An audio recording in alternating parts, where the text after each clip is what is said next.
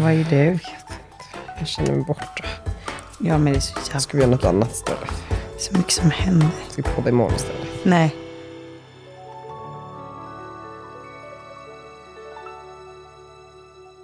Halloj podden. Margot, det är meningen att man ska prata när man poddar. Ja men jo, hej Daniel. Det är bara så, Halloj. jag fattar inte. Det är som att varenda gång vi ska sätta oss och podda så är det liksom som bomber som släpps eh, på mig precis innan. Ja men samma sak här. Alltså igår satt jag på ett möte och sa fel namn till kunden hela mötet. Nej. Alltså, och sen så sa mina kollegor, du vet att du sa det här namnet istället för det här namnet? Jag bara, nej.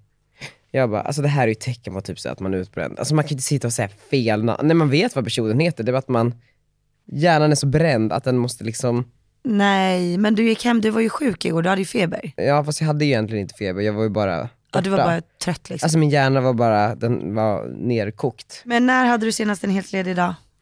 Jag vet inte. Men det vill också säga, jag var i London helgen, det var så jävla mycket. Förra veckan sov jag knappt någonting. Men man inser ju det när man har typ försöker starta fyra företag samtidigt. Det är liksom så här. Ja, det, det kommer ta på ens, eh, på ens hälsa. Tydligen så ser man det på presidenter, att när de går in i Vita huset så ser de någorlunda fräscha ut. Och när de kommer ut fyra eller åtta år senare då, absolut inte samma glow. Är det så de tappar glowet? Ja, ja. Och det är ändå sjukt för tänk hur mycket specialbehandlingar de måste få för att se fräscha ja, ut. För annars så ser man oftast fräscha ut när pengarna kommer. Ja, men undrar om det är det att eh, när de kommer ut från huset i slutet så är det liksom skitsamma. Förstår du? Då får de se ut hur som helst. Och då tappar de det bara och bara, åh vad skönt att slippa verkligen. se ut på topp hela tiden. För Obama har ju bra glow nu.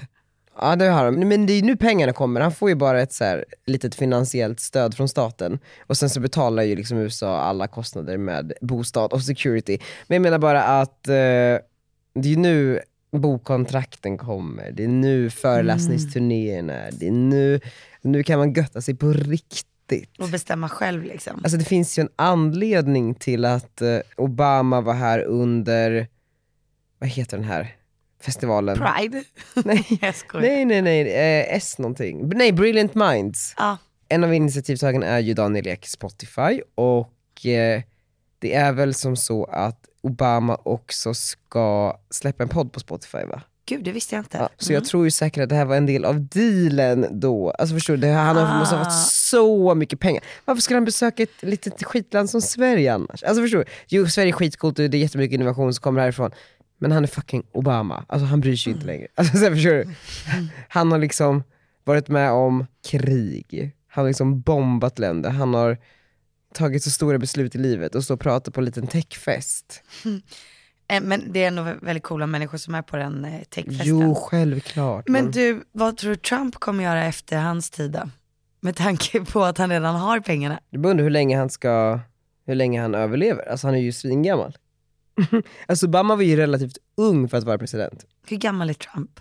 Han är ju 70 plus, 75 till 76 tror jag. Men, gud, men han ser ju fräsch ut för att vara så gammal. Ja, men det är för att han bara har sett likadan ut hela Ja, han, är- precis, han har ju aldrig Så han såg ju väldigt gammal ut väldigt tidigt, kanske så istället. Ja det är så precis för han har liksom sett exakt likadan ut. tupé-utseendet. Tupé-utseendet. Jag tror att han går in och så här blir skådis eller något. Lite skvaller då från mig som befinner mig mycket i New York. Jo, New York. Nej men många av mina vänner, eller så här, människor som jag har umgåtts lite med i New York, de känner ju familjen Trump eftersom att eh, Trump är ju en New York-familj. Alltså, de har ju varit på events och liksom Trump Tower. galor och mycket så här. Har man varit mycket ute i det sociala i New York så känner man någon av Trump sen om man liksom rör sig i de kretsarna. Precis som att du känner Petra Tungården och sen skulle Petra Tungården bli president. Alltså förstår du? Lite Ja jag så. fattar. Och de säger ju, dels säger ju Trump, alltså han älskar ju typ bögar. Alltså han bryr sig, alltså han, bry, alltså han är väldigt New Yorkigt inställd till det. Alltså den här republikanska bilden och, och eh, anti-pride och såna, sånt där som man mycket känner med honom idag, det är ju bara för att han ska liksom leva upp till vad republikanska väljare förväntar sig av honom. Han är också en vidrig far, eller så här, han favoriserar barn.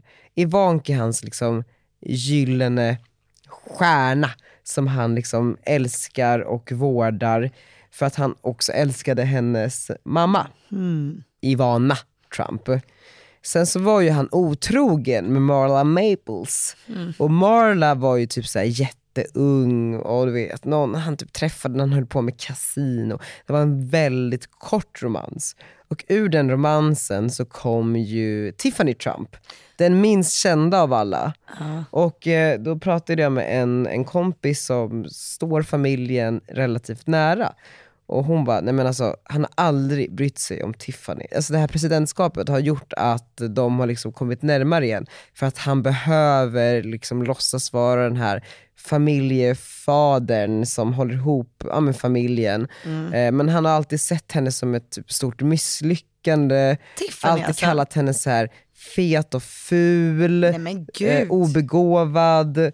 Medan då Ivanka har fått liksom spotlighten. Det sjuka med Ivanka är att hon är 37. Hon har ju också sett likadan ut hela tiden. ja. Är det någon grej de har? De kanske liksom har hittat något så här specialpiller som de äter så att alla bara ser likadana ut. Men är inte det fascinerande bara med en familj? De är egentligen superliberala. They couldn't care less om någon är typ så här gay eller om någon, alltså de är ju alltså verkligen tvärt emot allt de framstår som idag. Ja det är sjukt. Men det kan man tänka sig Man vet nästan. ju inte vad som stämmer bara. Nej men kan man inte tänka sig, de har varit så här, en rivig New York-familj som gått på typ sociala tillställningar och dricker champagne. Ja men typ som eh, Gossip Girl liksom. Men precis så är de ju liksom uppväxta. Det är Chuck Bass. Ja. Ja. Sen har inte jag kollat på Gossip Girl men jag... Va? Ja, Men det är fy på det, hem och eh, kolla. Mm, ja, Du men- kommer älska Tror det. du? Ja gud du kommer älska det. Ja, säkert. Du, du om någon kommer älska det. Det är bara liksom lyxliv i New York. Fast jag bryr mig inte så mycket om lyxen. Nej okej. Absolut Jag är inte. Nej alltså det är inte, det är bara att det. Men så, jag gjorde ju precis en eh, intervju här eh, för en timma sedan. Mm. Veckans eh, vassa. Ja. Ja. Temat på intervjun var lite liksom om jag var i politiken typ. Mm. Så då första frågan var ju liksom, hade du kunnat tänka dig vara partiledare för något parti? Ja. Och då så sa jag ju att ja men då skulle det vara ett, ett eget parti. ja. Ja. Hade du kunnat tänka dig det? Alltså jag hade kunnat tänka mig det rent så är det möjligt. Alltså jag tror att det är möjligt att jag typ skulle kunna bilda ett parti på något sätt, få över 4% av alla röster. Eh, bara för att liksom utmana mig själv. Men jag skulle ju aldrig vilja det för att jag har inte tillräckligt mycket att säga till om. Nej precis. Förstår? Men sen inser man ju också att så här, folkvalda politiker och partier har ju egentligen i många fall inte heller så mycket att, eh, att komma med. Alltså förstår du? Nej. Liksom, många partier, det är väl de som håller på att minska just nu, de har ju liksom ingen eh, ståndpunkt som särskiljer sig från de andra partierna. Och människor överlag behöver inte, man utgår ju alltid från att en politiker är väldigt, väldigt smart eller har koll, väldigt, väldigt mycket mer koll än vad de flesta har. Men det är ju inte så alls, alltid. Inte alltid. Eh, så jag menar bara att, ja du och jag skulle ju kunna starta partier om vi ville. Men vad svarade du på den frågan? Ja men jag sa ja men i så fall skulle det vara ett eget parti liksom. Ett nytt parti. Som sysslar med vad? Ja men eh, framförallt mänskliga rättigheter. Ja, oj. Ja, men då frågade hon också om jag liksom skulle kunna få tillsätta en minister. Vilken minister skulle det vara och vem? Och då sa jag ju att du skulle få ta den rollen som influencerminister. Alltså det var så, du vet vad? För att jag eh, tjuvlyssnade Ja. då. För jag hörde bara såhär, Ja. Daniel Redgert, så jag bara, vad är det som händer här? Ja, och så vässade du öronen lite. Ja, så är det, ja, Och det men, är därför du kom in i köket mitt i intervjun. Ja, ja, ja, det kanske kan vara så ja. Mm. Men eh, det var ju väldigt ett ärofyllt uppdrag jag får. Och varför tror du? Nej, och då frågade hon så här, och vad tror du att han skulle göra som influencerminister? Och då ställer jag ju frågan till dig, för att det finns ju ingen bättre än du som kan svara på det. Okej, det första jag skulle göra, så här, om vi ska se till något konkret. Myndigheterna, de är ju ganska föråldrade. Och många yrkesgrupper som, eh, där folk jobbar för kommuner och landsting för den delen, som människor inte vill bli idag. Alltså yrkeskategorier som lärare och poliser och eh, mycket inom vården saknas det jättemycket personal. Och då tänker man så här, varför är det så? Då pratas det alltid om låga löner, det pratas om eh, men dåliga villkor, men jag är ju övertygad om att de här yrkeskategorierna också är väldigt dåligt promotade. Mm. Alltså man måste ju också promota yrken. Man kan ju inte bara ehm, Ja men vänta på att saker ska hända. Ja, men för den bilden som finns kring läraryrket är ju låga löner. Men mamma, ja men å andra sidan så finns det ju väldigt mycket annat som är bra med det yrket. Om man ska se till eh, villkor så har vi ju den här otroligt långa semestern, om det är viktigt. Men sen att också gå till jobbet varje dag för att få lära andra människor om världen, om samhället och se de här människorna utvecklas. Det är väl en fantastisk USP som borde göra att trots relativt låga löner, att, att det är liksom ett attraktivt yrke. Men det kommer ju inte fram någonstans. Det är ju ingen som liksom och då är ju influencer marketing och influencers en väldigt, väldigt bra kanal där i att utbilda om det. Och Sen kan man tycka att en influencer är dyr, men jag menar ju bara att det finns ju säkert massor av andra svarta hål de här pengarna bara försvinner in i som inte leder till någonting.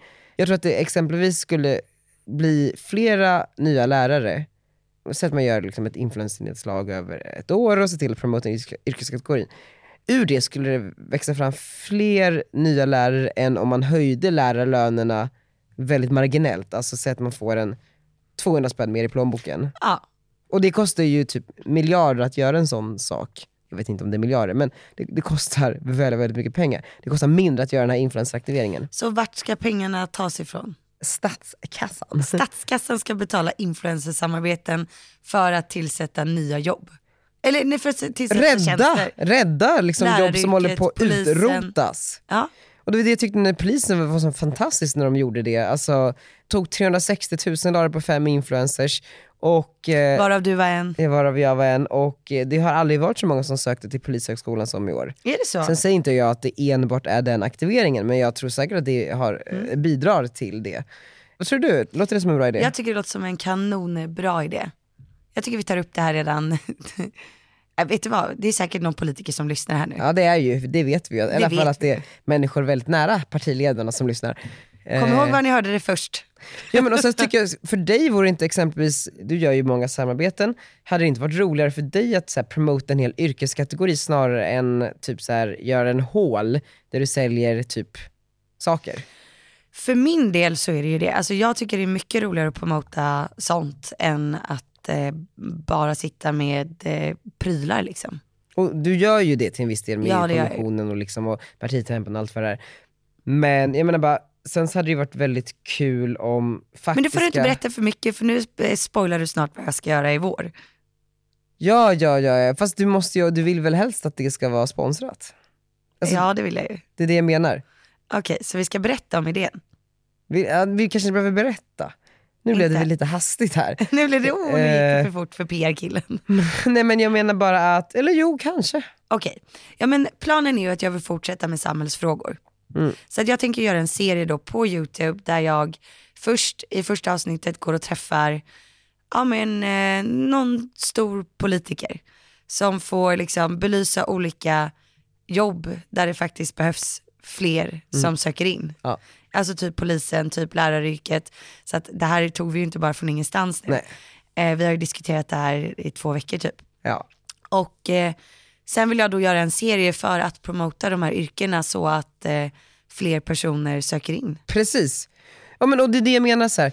och folk klagar mycket, så, eller så här, det känns som att man eh, ständigt är i de här diskussionerna. Varför är influencer marketing bra? Vad syftar egentligen influencers till? Mm. Man bara, jo men alltså det hade kunnat utnyttjats till så mycket mer om det bara fanns kunden som var redo att, för att om du ska göra det här så måste du också lämna plats i dina kanaler, plats som annars köps upp av annonsörer vilket gör att du kan tjäna pengar. Alla människor vill tjäna pengar och det är mycket det debatten också är i kring exempelvis läraryrket. Men kan exempelvis ett företag som eh, har många, nu är inte jag säker på att ingenjörer är ett bristyrke, men jag tror att det är det ett företag då som har många ingenjörer eh, och vill attrahera många ingenjörer, typ ABB, och då kan väl de gå till dig, lägga vad det kostar och sen får du göra jätteroligt, bra, informativt, viktigt innehåll där du visar på hur det är att arbeta som ingenjör. Exakt. Det hade ju skapat mervärde i dina kanaler snarare än att mm. vara någonting som folk vill spola förbi. Ja, men också alltså, läraryrket för mig känns ju väldigt attraktivt. Alltså, just när jag har Arnold, han ska börja skolan. Det är jätteviktigt för mig att det finns många och bra lärare som älskar sitt jobb. Och eh, min bästa kompis Lollo, hon utbildar ju sig till lärare mm. nu. Och hon ser ju bara det positiva liksom. Alltså hon får jobba med massa barn som är ganska unga, det är lågstadiet. Och mm. eh, ja, men, kortare arbetsdagar, långa semestrar men också så här, det är ett mysigt jobb. Nej men jag måste bara ladda den här. Nej, men det är jättehärligt. Det är jättehärligt. Verkligen.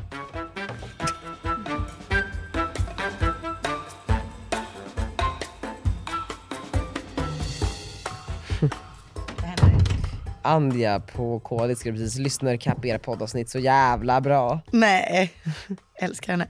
Nej men nej, det jag skulle komma fram till där med läraryrket är att, alltså, jag tycker det låter helt fantastiskt. Hade jag inte varit influencer idag så hade jag kanske hoppat på Lollo där och eh, också blivit lärare. Tänk vad mysigt att ha alla sina bästa kompisar och alla är lärare. Fattar du vilka roliga resor och sånt man kan göra sen då på sommaren? Vadå Ibiza typ? Nej men alla är ju lediga jättelänge. Ja verkligen. Men det kräver ju att det finns en ganska bra grundekonomi hos de här väninnorna. Fast vadå? Du kan väl göra massa roliga saker utan att det ska kosta massa pengar. Jaha. Ehm, ja, nej men precis. Men, och då hade det varit väldigt kul för de här företagen om de bara kan så här, eh, fatta. Fatta, fatta. För jag menar, nu kommer du vara schysst och bjussa på det här till typ så här landstinget och kommunerna och fan vad det är. Ja Så- exakt. Ja, men jag menar bara så här, och, och det kan du göra, men eh, det hade varit eh, väldigt roligt om, ja, ni fattar. Jag tror ni fattar allihopa. Tror ni fattar? Ni är inga dumbommar här inte. Nej. Okej, nu allihopa så har ju vi en ny sponsor i podden. En av världens bästa tjänster så att man kan spara massor av pengar och onödiga räntekostnader. Och den här tjänsten heter Anyfin. Anyfin sänker alltså räntan på avbetalningar och privatlån som du redan har. Det är ju så himla enkelt att handla på avbetalning. Hur vanligt är det inte att man köper någonting man egentligen inte har råd med bara för att det är smidigt att välja avbetalning? Ja, det är tydligen supervanligt eftersom att nästan 30% av alla svenskar gör det. Och Anyfin har alltså hjälpt tusentals med kunder att sänka sina räntekostnader samtidigt som de ger schyssta och bra villkor. Hur kan man inte gilla det? Då undrar ni, hur funkar det här? Det ni börjar göra är att ni laddar ner appen Anything, A-N-Y-F-I-N. Ni hämtar din faktura och det kan ju exempelvis vara från Klarna eller Qliro och det här gör ni genom att använda BankID. Anger ni koden RD200 Stort R, stort D. så får du dessutom 200 kronor rabatt på din första faktura. Skicka in eh, din ansökan och vips så har du ditt erbjudande. Så jag skulle alltså kunna spara hela 4268 kronor på min faktura på Klarna om jag flyttade min avbetalning till Anyfin. Hur sjukt är inte det? Det är helt kostnadsfritt att ansöka och det tar bara några minuter. Så att jag tycker att ni allihopa som sitter där ute nu kan ladda ner appen, ansöka och se hur mycket pengar som ni faktiskt kan spara på Anyfin. Och för guds skull, glöm inte koden RD200 som ger 200 kronor extra då. Vadå, finns det ingen hake då på det här? Alltså vad är haken? Nej, det finns faktiskt ingen hake, så det finns ju ingen anledning till att inte testa Anyfin. Det enda som är skillnaden det är att du faktiskt får bättre villkor och lägre månadskostnader. Vad ska du göra för alla pengar du sparar nu då? Jag tänkte köpa någonting fint till dig kanske. Åh, även om det är du som fyller år. Ja, okej då, vi köper någonting till mig. Glöm inte koden RD200 för 200 kronor rabatt på första fakturan. Tack Anyfin. Tack Anyfin!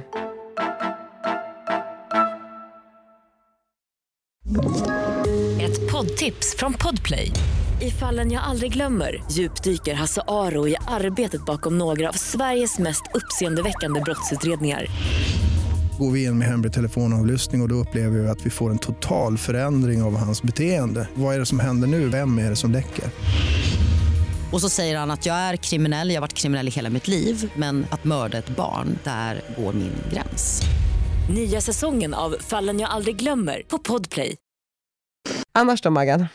Nej men annars då, förra veckan var väldigt intensiv. Du och jag hade ju ett seminarium ihop Just ja, det hade vi på fan. eh, Huddle, Huddle, Huddle. Huddle Med Mindshare som en mediebyrå. Och jättemånga som har hört av sig till mig som satt i publiken som sa att det var en superbra eh, föreläsning. Så jävla kul. Varför har vi inte fått några nya kunder än då?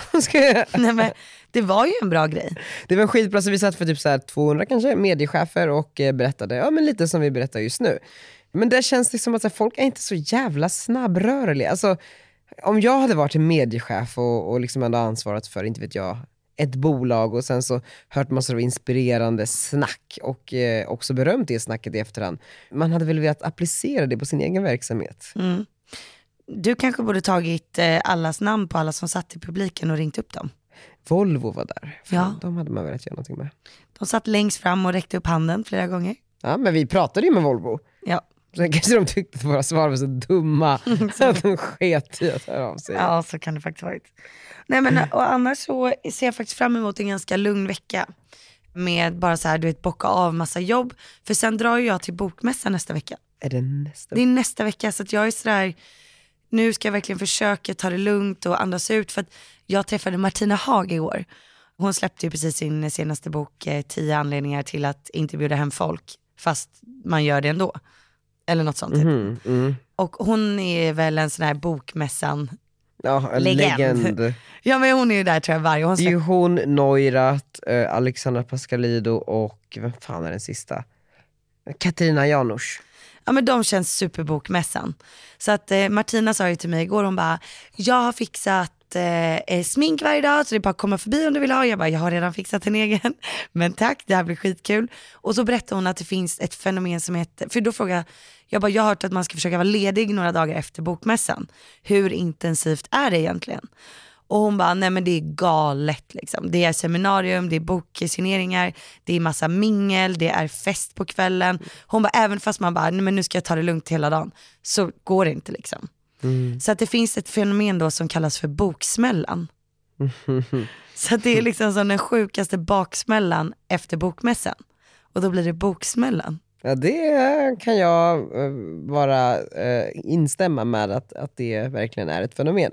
För det var det jag reagerade på precis när podden satte igång. Jag fick ju ett sms här som jag tyckte var lite roligt och det var Hej Daniel, har du den här samordnare av nöjet och underhållning på klubben Prime Grill och klubben Lounges under bokmässahelgen i Göteborg nästa helg, bla bla bla bla bla.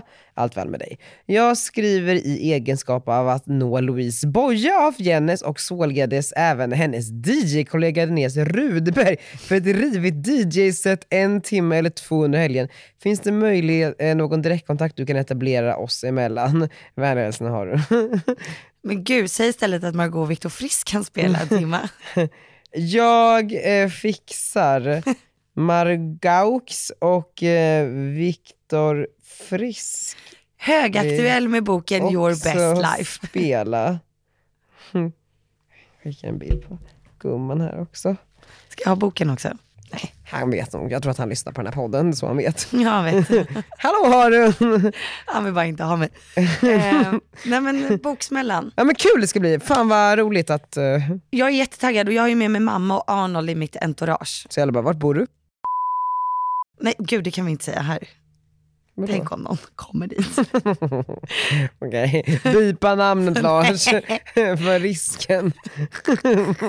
Fan, Gumman ska på bokmässan. EGBG. Okej, Ivanka Trump. Oh no, we need to call secret service. Man får gå in bakvägen. Kanske ska fråga Isabella om något tips på säkerhetsbolag. Tror du det? Ja, jag tycker man får skratta lite. Ja, det är klart man Man får. får vara lite ironiska. Jag känner att jag är på sånt här humör när jag bara vill driva med mig själv. Jag vet, men det är när man är trött och utbränd. Ja, jag bara känner så här. nu vill jag leka diva. leka och leka. Exakt.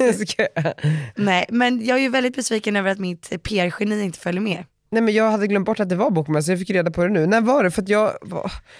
26 september, vilket är nästa torsdag, till söndagen.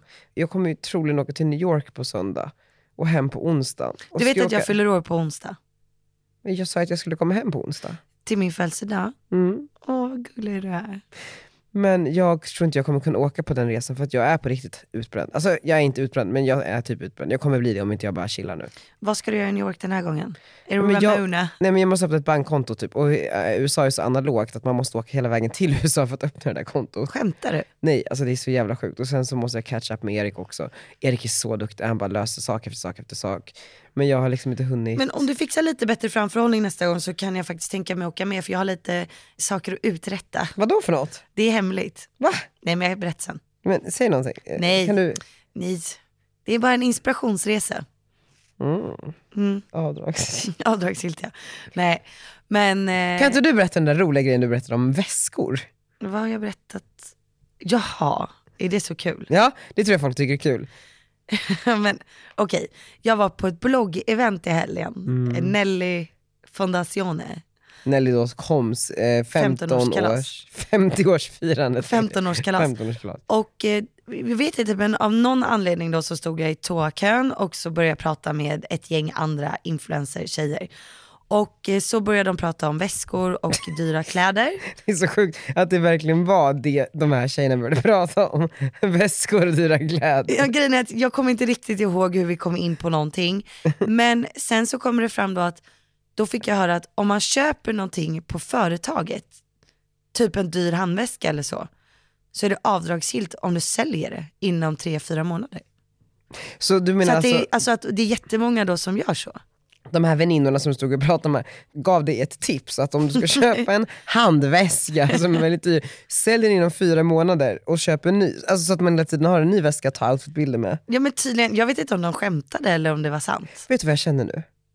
Känns inte liksom allt det här så jävla förra millenniet typ? Vadå, köpa väskor? Ja men köpa och... väskor och sälja, att ha en outfitbild, känns inte det liksom ute? Jo, det är lite överkonsumtion kanske. Ja men det Det känns så himla så här, alltså, jag tror att influencermediet kommer leva ett tag till. Jag tror att det finns en, ett sista datum, alltså så. Ett bäst före. Ett bäst före, när liksom det är ute helt. Men jag tror att just den här typen av liksom konsumtion och sätt att förhålla sig till och, och saker att publicera, jag tror inte att det har många liksom, månader kvar. Men ändå så hetsar du mig till att köpa en ny handväska för att min har synts för mycket på Instagram. Du, jag har inte hetsat dig för att köpa en, det var ju Viktor, min kollega. Jag tycker du ska bara unna dig någonting. Okej, Och jag sa ju precis, varför, sälj inte väskan. Alltså, nej. om du köper en väska då ska du ju ha den. Ja. kan du ge till ditt barnbarn om 30 år. Ja, men okej, men då berättade jag det lilla skvallret. Ja, men, jag, menar, jag tror folk tycker det är kul.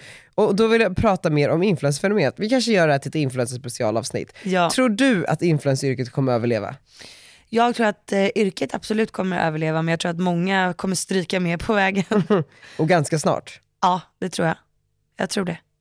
För jag tittar bara på mitt eget så här, beteendemönster, jag, eller så här, konsumtion. Jag har ju slutat typ helt. Shoppa. För, för, inte shoppa, Eh, nej det kan jag fortfarande göra. Men om man dels köper någonting då, om vi ser till just den grejen, då köper man kanske någonting som lever lite längre och eh, inte det man har sett på typ Insta. Utan någonting man faktiskt tycker om själv. Men sen, jag har ju läst vissa bloggar i många, många, många, många år. Slutat. Jag kan typ inte eh, scrolla Insta-story för då blir jag tokig. Alltså det är för mycket information. Det sjuka är det här med bloggarna, jag har faktiskt också slutat läsa bloggar. Hör du? Ja. Och du lyssnar inte på några poddar? Nej, men det har jag aldrig gjort. För mig går ju YouTube upp, alltså jag tittar mer och mer på YouTube. Ja det gör det. Ja, mer och mer och mer och mer. Men på olika saker. Alltså det är inte så att du sitter och bara, ifrån så roliga klipp på typ folk som trillar till så här någon talkshow i USA till något som dyker upp i något flöde från någon svensk youtuber. Mm. nej har Till så här, ja men du vet vad som helst, så här rekommendationer. Ja. Alltså jag kör dokumentärer på tv typ, Mm. typ Aktuellt varje kväll och eh, läser böcker. Alltså jag känner så, jag har så otrolig så lust till att lära mig saker. Mm. Om livet, om samhället, om människor, om mänskligheten, om religion, om historia. Snarare än, än det här liksom, jag vet inte, en Mm. Ja. piffig bild. Alltså när jag tittar på Arnold liksom, hur han konsumerar sin iPad. Han är helt sjuk nu. Nu har han ju lärt sig koden in till iPaden och vet skillnaden på Netflix och YouTube. Ja, det är så sjukt. Ja. Vad Och- gillar han mest då? Eh, men han gillar YouTube. Och helt plötsligt så sitter han och kollar på en japan som sitter och delar på sådana här träfrukter och trämaträtter. Alltså det är det bästa han vet. Det är så sjukt. Han kan sitta i timmar och bara stirra så här. Dela den, dela citronen, dela tomaten. Fan vad jag gillar youtube på det sättet att det verkligen så här demokratiserar, för jag har sagt det tidigare, jag stör ju mig så mycket på människor som är så kommentatorer i TV. Eller som typ, här har vi filmexperten Ronny Svensson som ska recensera film. Man, men varför ska han sitta där? Vem har, vem har liksom bestämt att han ska få vara en domare i vad som är bra och dåligt? Hur youtube verkligen så demokratiserat det som folk faktiskt vill titta på Är det populära? är det som kommer populärt. Och det finns så mycket, så det är ju verkligen så här Ja. folket som gör urvalet. Min högsta dröm när jag var yngre, det var ju typ att bli barnprogramledare på så här Lattjo Lajban liksom. Eller Bolibompa, alltså någonting sånt. Still working on the dream eller? Ja men alltså någonstans så känner jag väl ändå att det hade varit kul att göra ett barnprogram på YouTube. Alltså okej, nu, nu, alltså inte för att vara så, men gör inte du typ det? Alltså nu är det ju, alltså, Nej din- alltså för, alltså för små barn. Aha. För typ så här tre till tioåringar. Men kan du inte göra det då? Alltså de är ju Babblarna. galna. Ja men de tittar ju liksom hundra gånger om på samma sak per dag liksom. Men vill man det som förälder? Att sitt barn ska sitta och kolla på typ så samma trötta klipp hela tiden? Ja men du gör det ju till en utbildnings-tv, alltså du gör inte struntgrejer. Nej. Utan du gör det ju liksom, antingen så här, här lär du dig alfabetet. För att det jag har lärt mig nu, när jag liksom ser eh, vad Arnold tycker om, så är det ju så mycket bättre saker som finns typ på italienska, engelska, japanska, än vad som finns i svenskt material. Just det. Svenska typ alfabetsgrejer så är det mest typ sånger och, alltså det finns inte så mycket som är verkligen lärande på det sättet. Snillen spekulerar. Ja, kan vi inte sätta igång och göra ett barnprogram? Men du, det låter skitbra. Du har ju flyttat in i din lägenhet igen. Ja, Tycker du om din nya lägenhet? Vad är skillnaden? Ja. Nytt badrum har jag sett. två nya badrum, Två nya, jag har bara sett ett. ny garderob, Vart är garderoben? bakom sängen är walk-in closet nu. Nej. Ja. Nice. Och så eh, sovrummet har ju blivit mindre så badrummen och garderoben har blivit större. Jättemysigt. Och sen så har vi fixat eh, Arnolds eh, rum och ena ingången. Alltså hallen typ. Ja vi har ju två hallar. Ja men den, Den main andra. Nej. Nej. Den andra, den andra. Så det känns skitbra men det är liksom fortfarande ett bombnedslag. Och vi köpte ju de här möblerna som vi har typ så för tre lägenheter sen. Mm. Så att möblerna passar inte men vi har beställt massa nya saker.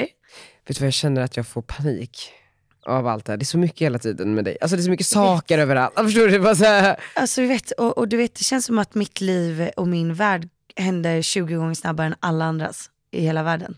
Den gör fan det. Är det så? Men tycker du att din också gör det eller är det bara mitt? Jag tycker båda svåra gör det. Det är därför man får panik. Ibland liksom när jag pratar med mina tjejkompisar, jag bara, "Jaha, vad har hänt i ditt liv? Och så berättar jag så tusen saker och bara det här och det här och det här och det här.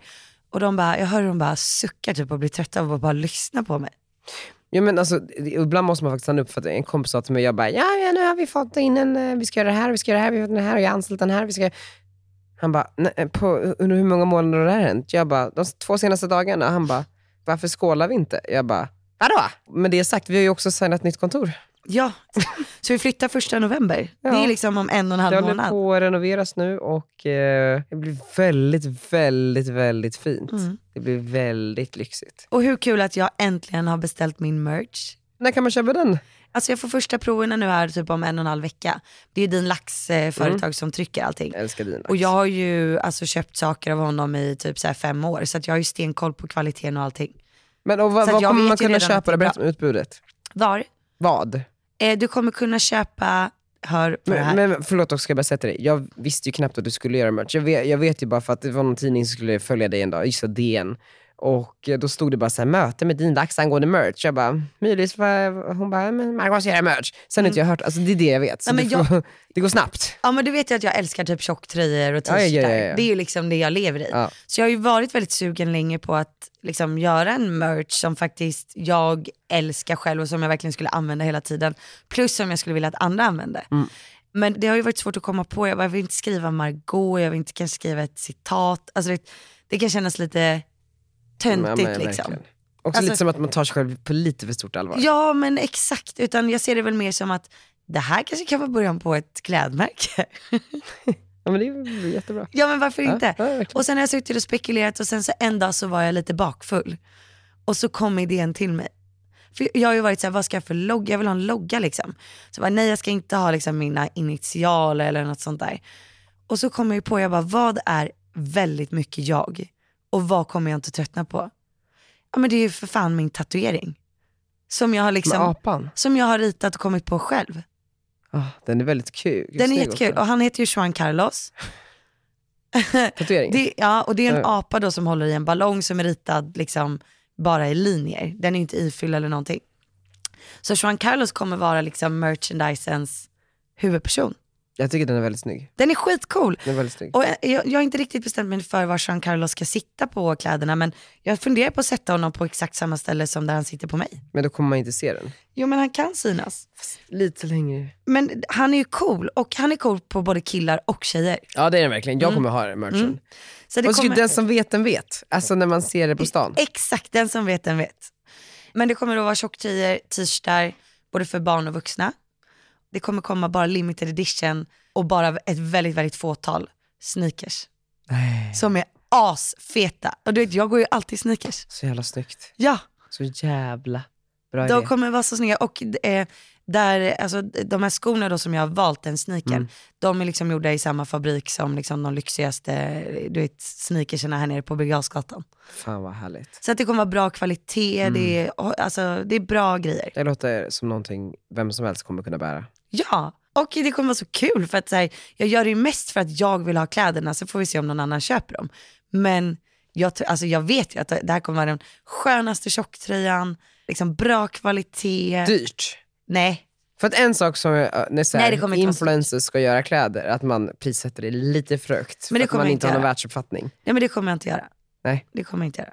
Bra. Men däremot så är det ju liksom, ju bättre material du väljer, desto dyrare kostnader är det ju från början. Såklart. Jag behöver göra en liten kalkyl på liksom, vad folk villiga att betala, hållbarhetsmässigt, fabrikerna, vart, alltså, Men också vad har folk råd att betala? Ja. Alltså jag kommer ihåg när jag satt på typ så här, alltså det, det ska bli skitkul och jag, jag ser väldigt mycket fram emot det. Men här kommer bara liksom småstadstips. Alltså när jag satt på McDonalds och jobbade där och läste Metro, Metro jag kanske har berättat det, men eh, Metro hade ju alltid en så här, moderedaktör som var typ en influencer. Det var hon Signe, Mm. det var Petra Tungården och så gjorde de alltid såna här lyx versus budgetspecialer. Mm. Och så var det så här lyx Ja. typ, fåtölj, eh, 39, ja men 70 200 kronor. Budget, typ 3 933. Jag bara, det här är inte budget, det här är fan fucking två jävla fitt dyra fåtöljer. Och sen var det typ så här jeans. Dyrt 2499 bla bla bla. Och sen så var det billigt typ så här 899. Man bara 899 för en så här person som läser den här tidningen som inte jobbar som bloggare i Stockholm är fucking mycket. Alltså de billiga jeansen de som kostar 198 kronor på H&M. mm. Men alltså hur, hur, hur då en community som var så pass skyddad från den Ja. verkliga världen sitter och talar till den verkliga världen och sätter helt orimliga priser som gör att människor på andra sidan tidningen känner sig otillräckliga. Mm. Det upplevde jag väldigt, väldigt mycket liksom, som när man var utanför det här. Och det är ju säkert som när vi sitter och babblar om olika saker här, folk blir helt mörkrädda för vi har Ja. tappat det. Samtidigt då så vill jag ju, jag vill ju ha den sneakern som faktiskt har bra kvalitet, som jag vet är skön att gå i, bra för ryggen.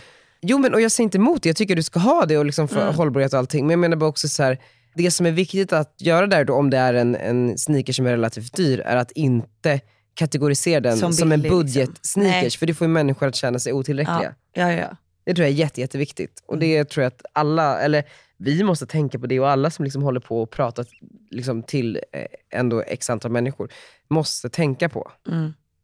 Men är det inte lite fascinerande då att så här, jag gjorde ju Juan Carlos en eh, morgon eh, på, alltså bara spontant liksom. Mm. Och jag hade ju absolut inte ens funderat på att jag skulle göra Juan Carlos.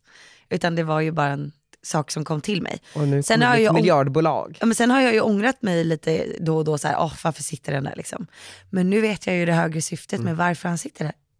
Det är fantastiskt. Ja, Men allting har en reason. jag tror det. Och med de orden, Med de orden så tackar vi för oss för denna gång. Men eh, vi kör på återseende och jag hoppas att nästa gång så har vi massa mer energi. Och jag hoppas att, nej men gud, ja Vadå? precis. Då, det är dagen vi, på min födelsedag typ. ja det blir det typ. Och, just, och, det, och för dig är ju födelsedagen en stor grej. Jag älskar att fylla år. ja, jag måste lägga in det i kalendern. Du måste lägga in det i kalendern. Och eh, så jag liksom, jag hoppas på att få en stor överraskning kanske, en god middag. Också Jag vill sjunga karaoke. fyller år. Jag vill gärna ha konfettibomber. 25 Nej, på jag löning. skojar bara. Ja, jag fyller alltid år på löning. Så jävla härligt. Ja, det är bra. Folk så glada. Nej, men jag, helt ärligt då, jag skulle bara, jag, jag, vill, jag vill ta det ganska lugnt. Men jag skulle vilja ha, typ gå ut och käka en god middag. Du har inte planerat någonting? Nej men först tänkte jag ju planera en jättestor fest och sen så bara kände jag nej, jag vill inte ha en stor fest. Jag vill typ äta jättegod mat och dricka lite rödvin och sen sjunga lite karaoke typ. Med Viktor Frisk? Ja men typ. Okej då. Ja, vi får Och. Theo. Theo. Och dig Och kanske. Emil. Ja, hela gänget. Visst är det Emil han heter? Ja. ja. Ja men det blir bra, vi planerar något. Underbart. Puss alla. Puss alla. Gunillor.